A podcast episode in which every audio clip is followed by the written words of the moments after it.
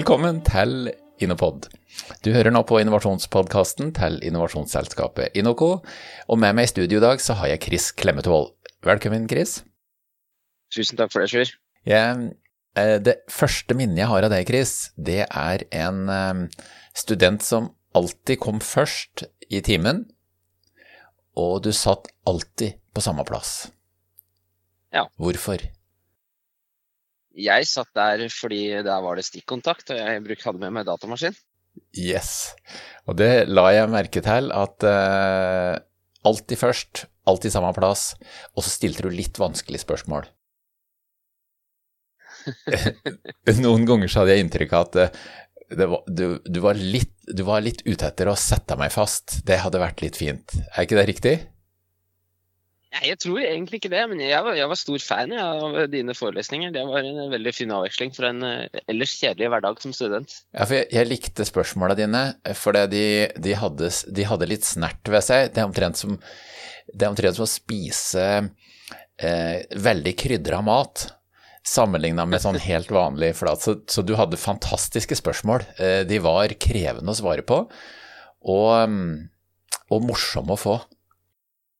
Jeg tror jeg stilte mye spørsmål, fordi dette var et fag som jeg Her skjønte jeg at dette kan jeg bruke til noe. Dette, dette er det mange som trenger å, å lære. Og så, jeg, så, jeg, tror jeg ville lære, virkelig ville lære det ja, men, ja, men det, kan, det, kan formidle. Det kan forklare, det kan forklare hvor det, hvorfor spørsmålene dine var av den karakteren og, og, og sånn.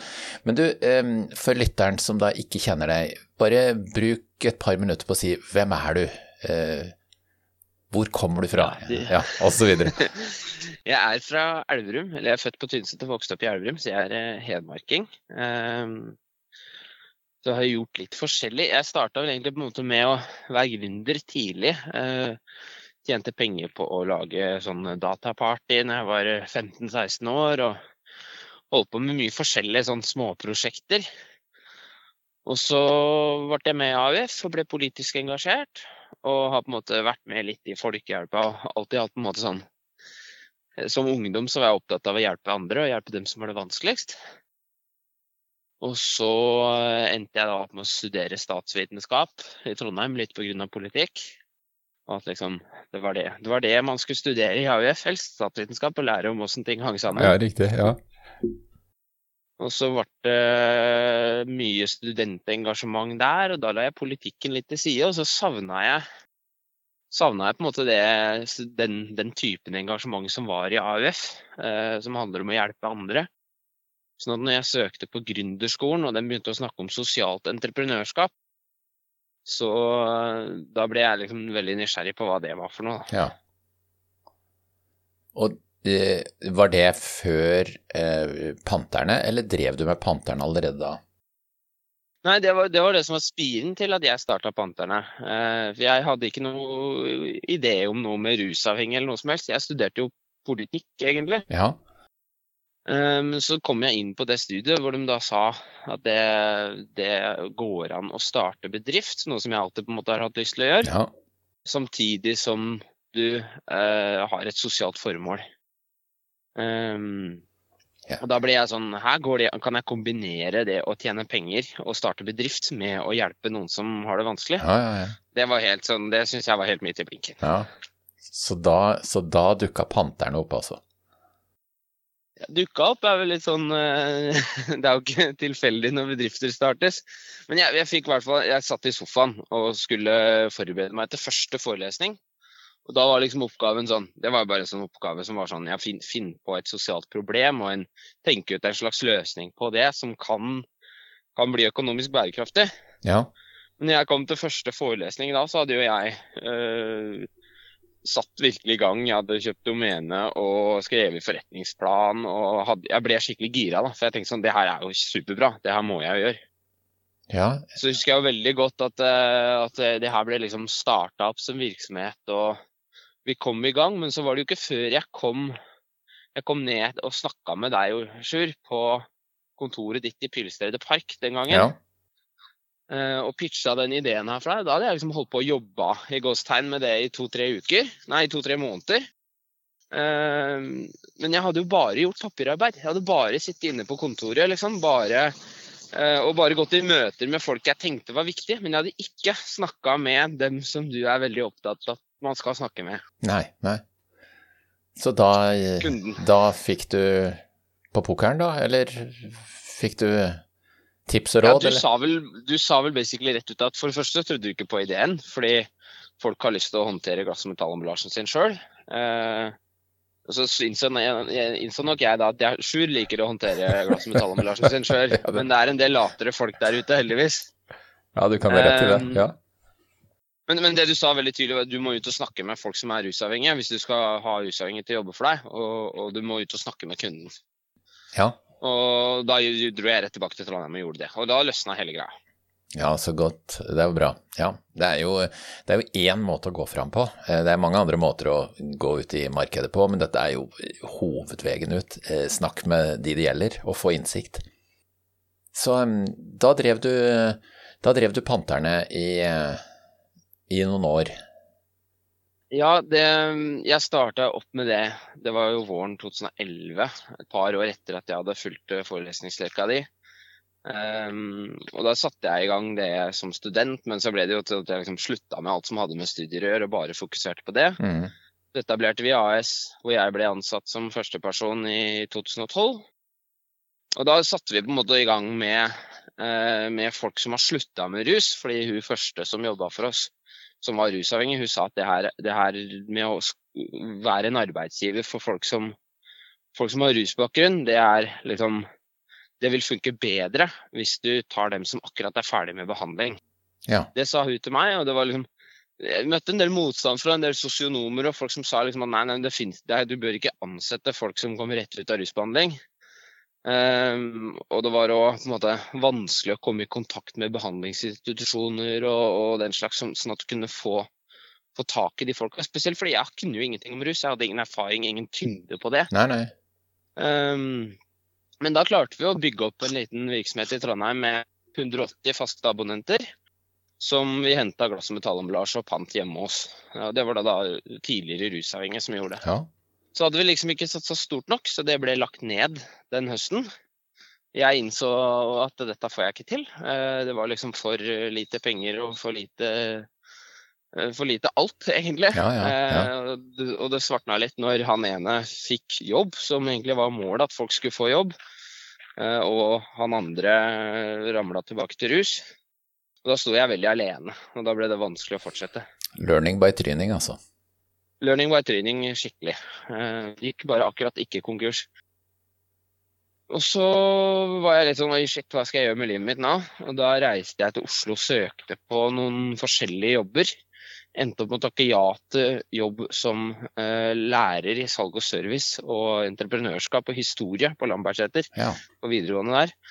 Men dagen etter så var jeg og prata med en vi kjenner godt, som heter Bjørn, ja. eh, på kontoret ditt. Bjørn, det er Og Bjørn, Bjørn, fikk- Bjørn Tiller, som var daglig leder i Noko på den tida. Ikke sant. Og det jeg hadde glemt, da, var at to år tidligere så hadde jeg hatt en samtale med han og jeg spurte hva må jeg gjøre for å få jobb for å få jobbe for Sjur Dagestad. Eh, og da, da sa han basically at jeg skulle gjøre det som jeg da hadde gjort. Jeg hadde vært ute og fått litt mer, eh, litt mer eh, tyngde eh, ved å gjøre noe sjøl. Ja. Eh, og så endte jeg opp med å få jobb i Inoco isteden. Det var en lykkelig, lykkelig sak, det. I hvert fall for Inoco Ja, sin del, for eh, det var veldig fint å jobbe med deg. Det var eh, drømmejobb for meg å komme til Inoco da. Det var fryktelig artig. Ja, så hyggelig. Ja. Da ble jeg kasta rett ut i det med Innovasjon Norge som, eh, som eh, viktig kunde, og, og fikk reise rundt og møte gründere og, og hjelpe gründere, ikke minst. Enda vanskeligere kunde enn rusavhengig, altså. Eh, jeg vet ikke. Den satt langt inne.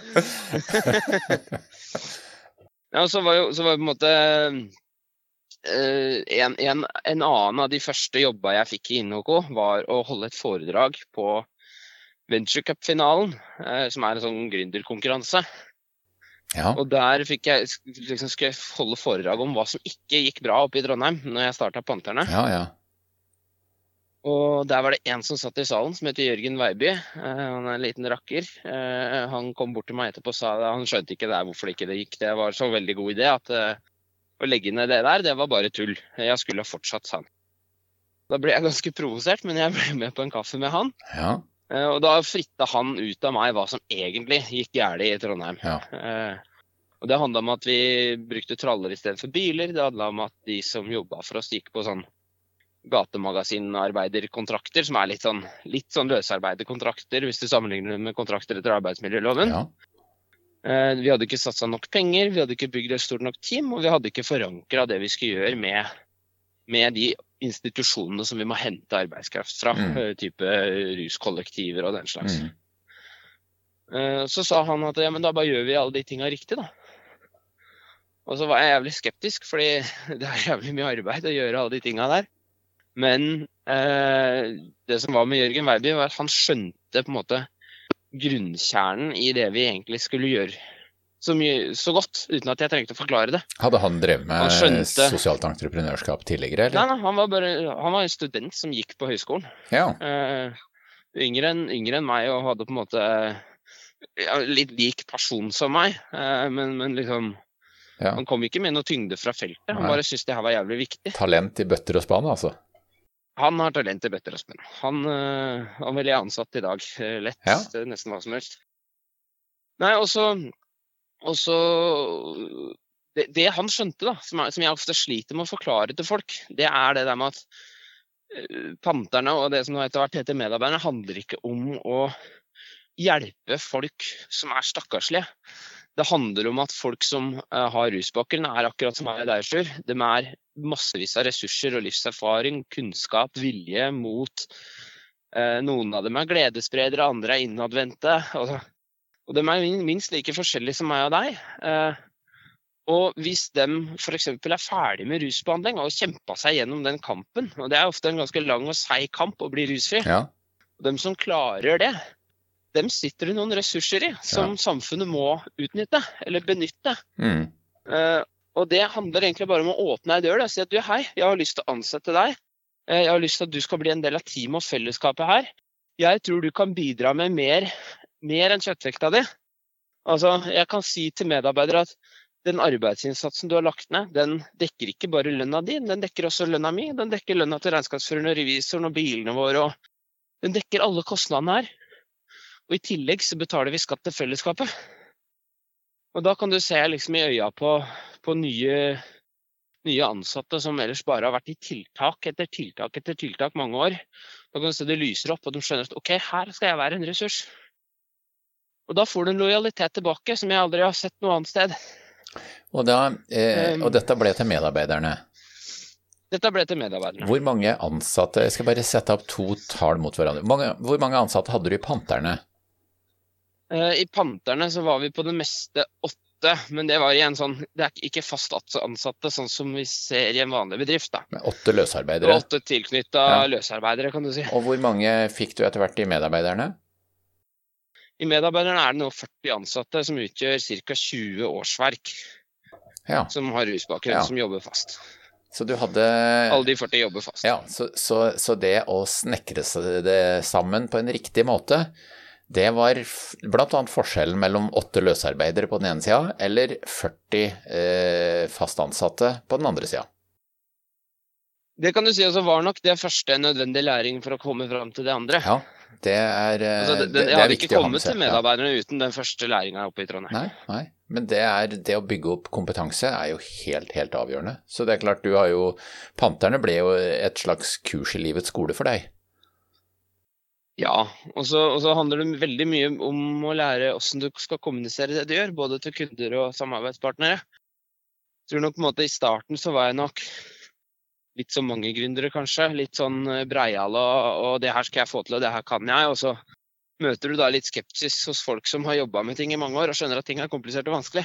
Ja, Mens etter hvert så fant jeg på en måte ut hvordan jeg kunne kommunisere det vi gjorde, og fortsatt provosere, men ikke på en måte falle gjennom sånne åpenbare Hvor du sier ting som åpenbart er feil. da. ja, ja. Jeg, har, eh, jeg, skal dra en annen parallell, Chris, for det, vi, det er jo ikke noe hemmelig at vi har jobba sammen i noen år. Og jeg får jo høre at jeg er Reodor Felgen som type, og jeg må si at du er Solan Gundersen. Du er det nærmeste jeg vet om Solan Gundersen.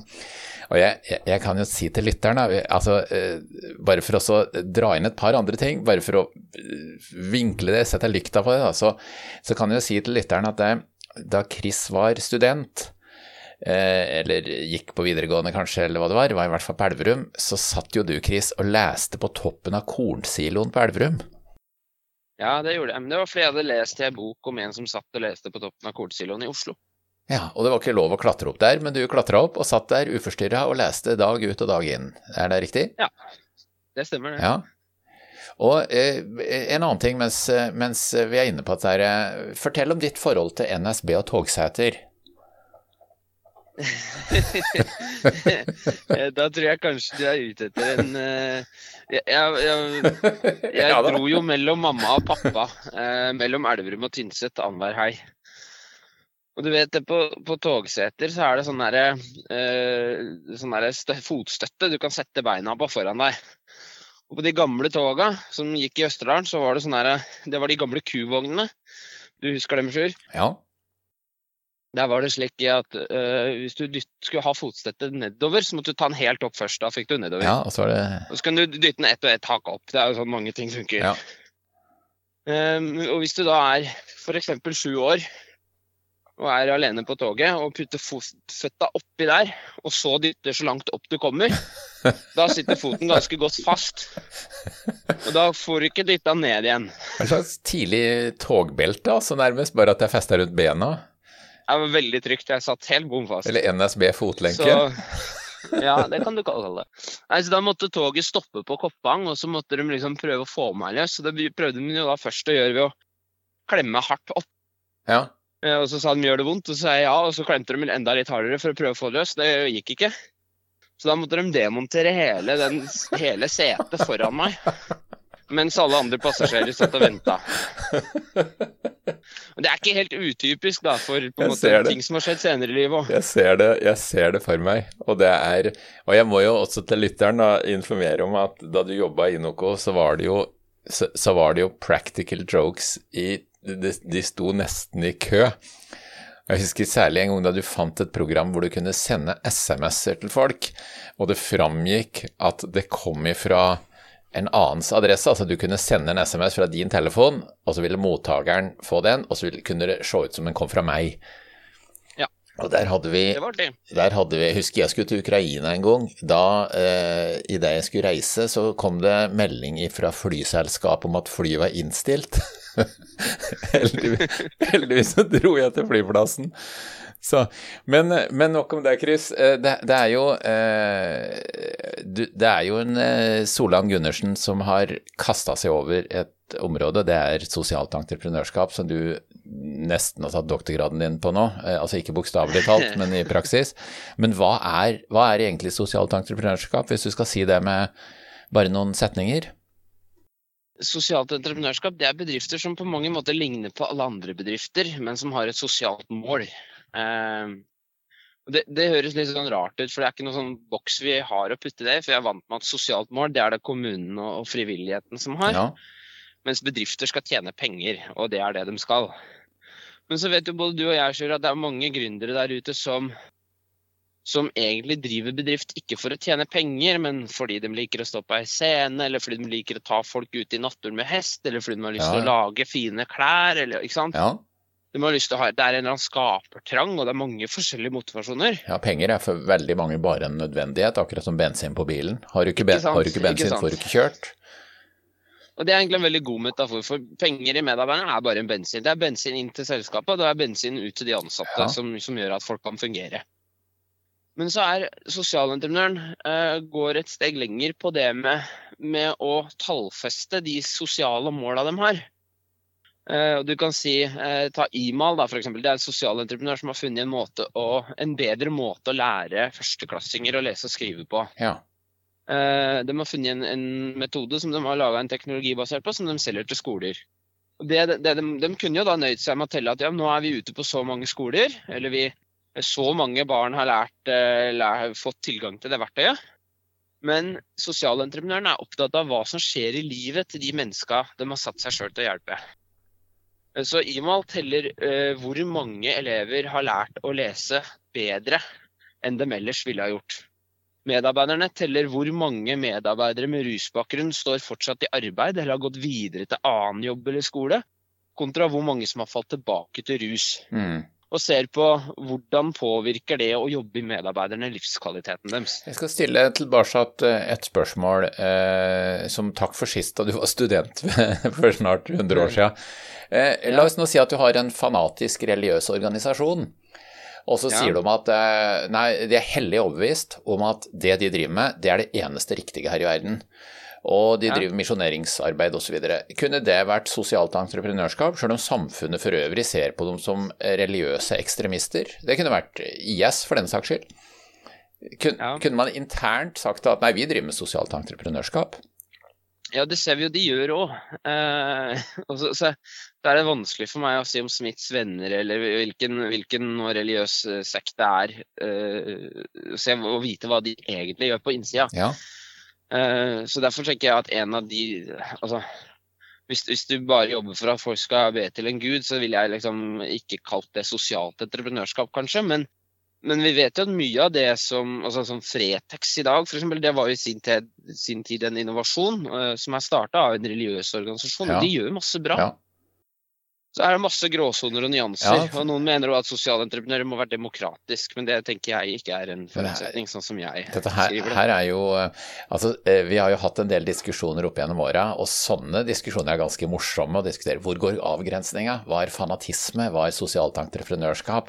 Hvor er det godt? Ja. Hvor er det dårlig? Sånn Vi kunne hatt en, en, stor gruppe med mennesker som bare vil ondskap, som også da ville kunne sagt at nei, det er sosialt entreprenørskap, verden skal være ond. Ja, altså, jeg har jo snakka med folk som, som, er fra øst i Ukraina eh, om sosialt entreprenørskap. og Der det, møtte jeg noen damer som hadde organisert seg og starta sosialt entreprenørskap. spurte jeg hva driver dere med. Så nei, De lagde hjelmer. Hva slags hjelmer da? Nei, Militærhjelmer til, til, fronten som kjemper mot, til mennene sine, egentlig. Da, ja. Som kjemper mot uh, russere hver dag. Og Så blir jeg litt sånn i stuss, og så tenker jeg sånn, er det sosialt entreprenørskap, da? Eh, og så blir det sånn ja, hvem er jeg til å si at ikke de skal få lov til å lage hjelmer som mennene deres skal ha på huet når de skal ut i krigen? Ja. Uh, Nei, jeg, jeg, ser det. Jeg ser, men, men, men, men ser det. det. vi pleier å si, da, er at sosialt entreprenørskap de bør rette seg mot ei målgruppe som er underserved, som man sier på engelsk. Jeg vet ikke om noe godt norsk ja, ja, ord. Uh, underbetjent. underbetjent ja. ja, altså de får for dårlig tilbud. Uh, og det er liksom hvis du tar rusavhengige, da, så, så, er det ikke noe tvil om at de har et for dårlig tilbud i Norge. Uh, hvis du tar uh, uh, marginaliserte innvandrerungdommer på Holmlia, så er det ikke noe tvil om at det er et eller annet som ikke funker for de. De kunne hatt et bedre tilbud. Så Frimurlosjen ligger veldig langt unna å kunne motta eller kalles sosialt entreprenørskap? Jeg vet ikke hva Frimurlosjen gjør, det vet du mer om enn meg, men eh, jeg, er, jeg var medlem, er utmeldt. Jeg vet det. Ja. Jeg vet. men nok om det. Du, sånn helt avslutningsvis, du har jo laga ei bok, og eh, den er i trykken nå, vet jeg, og den heter 'Håndbok for sosialt entreprenørskap'. Og bare, bare si liksom, hva, hva skriver dere om i boka? Altså, det er jo håndbok for deg som er helt, helt i startgropa. Uh, du har kanskje en eller annen idé til noe som du tenker at kan gjøre livene til noen bedre, og som du tenker at det her kan bli en, et levebrød for deg sjøl og kanskje flere. Uh, og da er, det liksom, da er det masse spørsmål som bør stå i huet ditt. og det er Hvem er det, hvem er det som er målgruppa di, hvem er det som er kunden din? Uh, så det er egentlig en håndbok til, til, hvordan du går fram for å bli sosialentreprenør. Hvor vi tar for oss både liksom den helt innledningsvis den avgrensninga hva er en sosial entreprenør, men så går vi veldig raskt på hva er det du må gjøre for å sette i gang. Og Da deler vi masse historier og erfaringer fra, fra våre egne liv. Det er jeg og Lise Arvesen som er, er hovedforfattere i boka. Ja. Uh, vi deler historier og anekdoter fra våre egne uh, reiser som gründere. Samtidig som vi isbjer det med historier og inspirasjon fra andre sosialentreprenører som vi kjenner så det er mye praktisk. Og så, og så er det også, og det er det jeg ofte savna, på en måte den boka hvor noen samler deg. Ja, åssen er det der med moms? Er, hvilken selskapsform skal jeg velge? Ja. Åssen er det med arbeidsgiveravgift? Alle de tinga som du på en måte må lete fram både her og der, det har vi samla i boka, sånn at alt er på én Ja, perfekt. Jeg, jeg må, jeg, Så kan du si at sånn, siden, siden sosialt entreprenørskap i utgangspunktet er entreprenørskap, så er det jo veldig mye i den boka som er relevant for alle som skal starte bedrift. Og så er det noen ting som skiller seg ut fordi sosialentreprenøren har to målgrupper. Både en kunde som er betalende ofte, og ei sosial målgruppe som ikke er i stand til å betale sjøl, men som er dem som skal få bedre liv. Ja, veldig, veldig bra. Eh, Nå har jeg hatt gleden av å følge deg i alle disse åra, så, så jeg gleder meg veldig til å le, lese boka, fordi jeg tror jeg vil kjenne igjen en god del av de tinga som du er inne på. Men for eh, helt avslutningsvis, for den som ønsker å bestille boka, så hvor er det de får tak i boka hen, Chris? Hun er jo ikke Den går på sos, Ja. sosentboka.no, altså sosialt entreprenørskap. Sosentboka.no. Ja, så da er det mulig å bestille den der. Absolutt. Så da, mm, Den er i trykket nå, så da kommer den ganske kjapt. da gleder vi oss til den kommer, og hjertelig tusen takk for at du kunne stille, Chris. Takk for at jeg fikk være med. Og til deg, kjære lytter, du har nå hørt på Innopod, som er innovasjonspodkasten til Inoco. Og hvis du har lyst til at vi skal lage podkast for deg, så må du gjerne ta kontakt med oss. Vi har vaffelpressa klar. Takk for nå.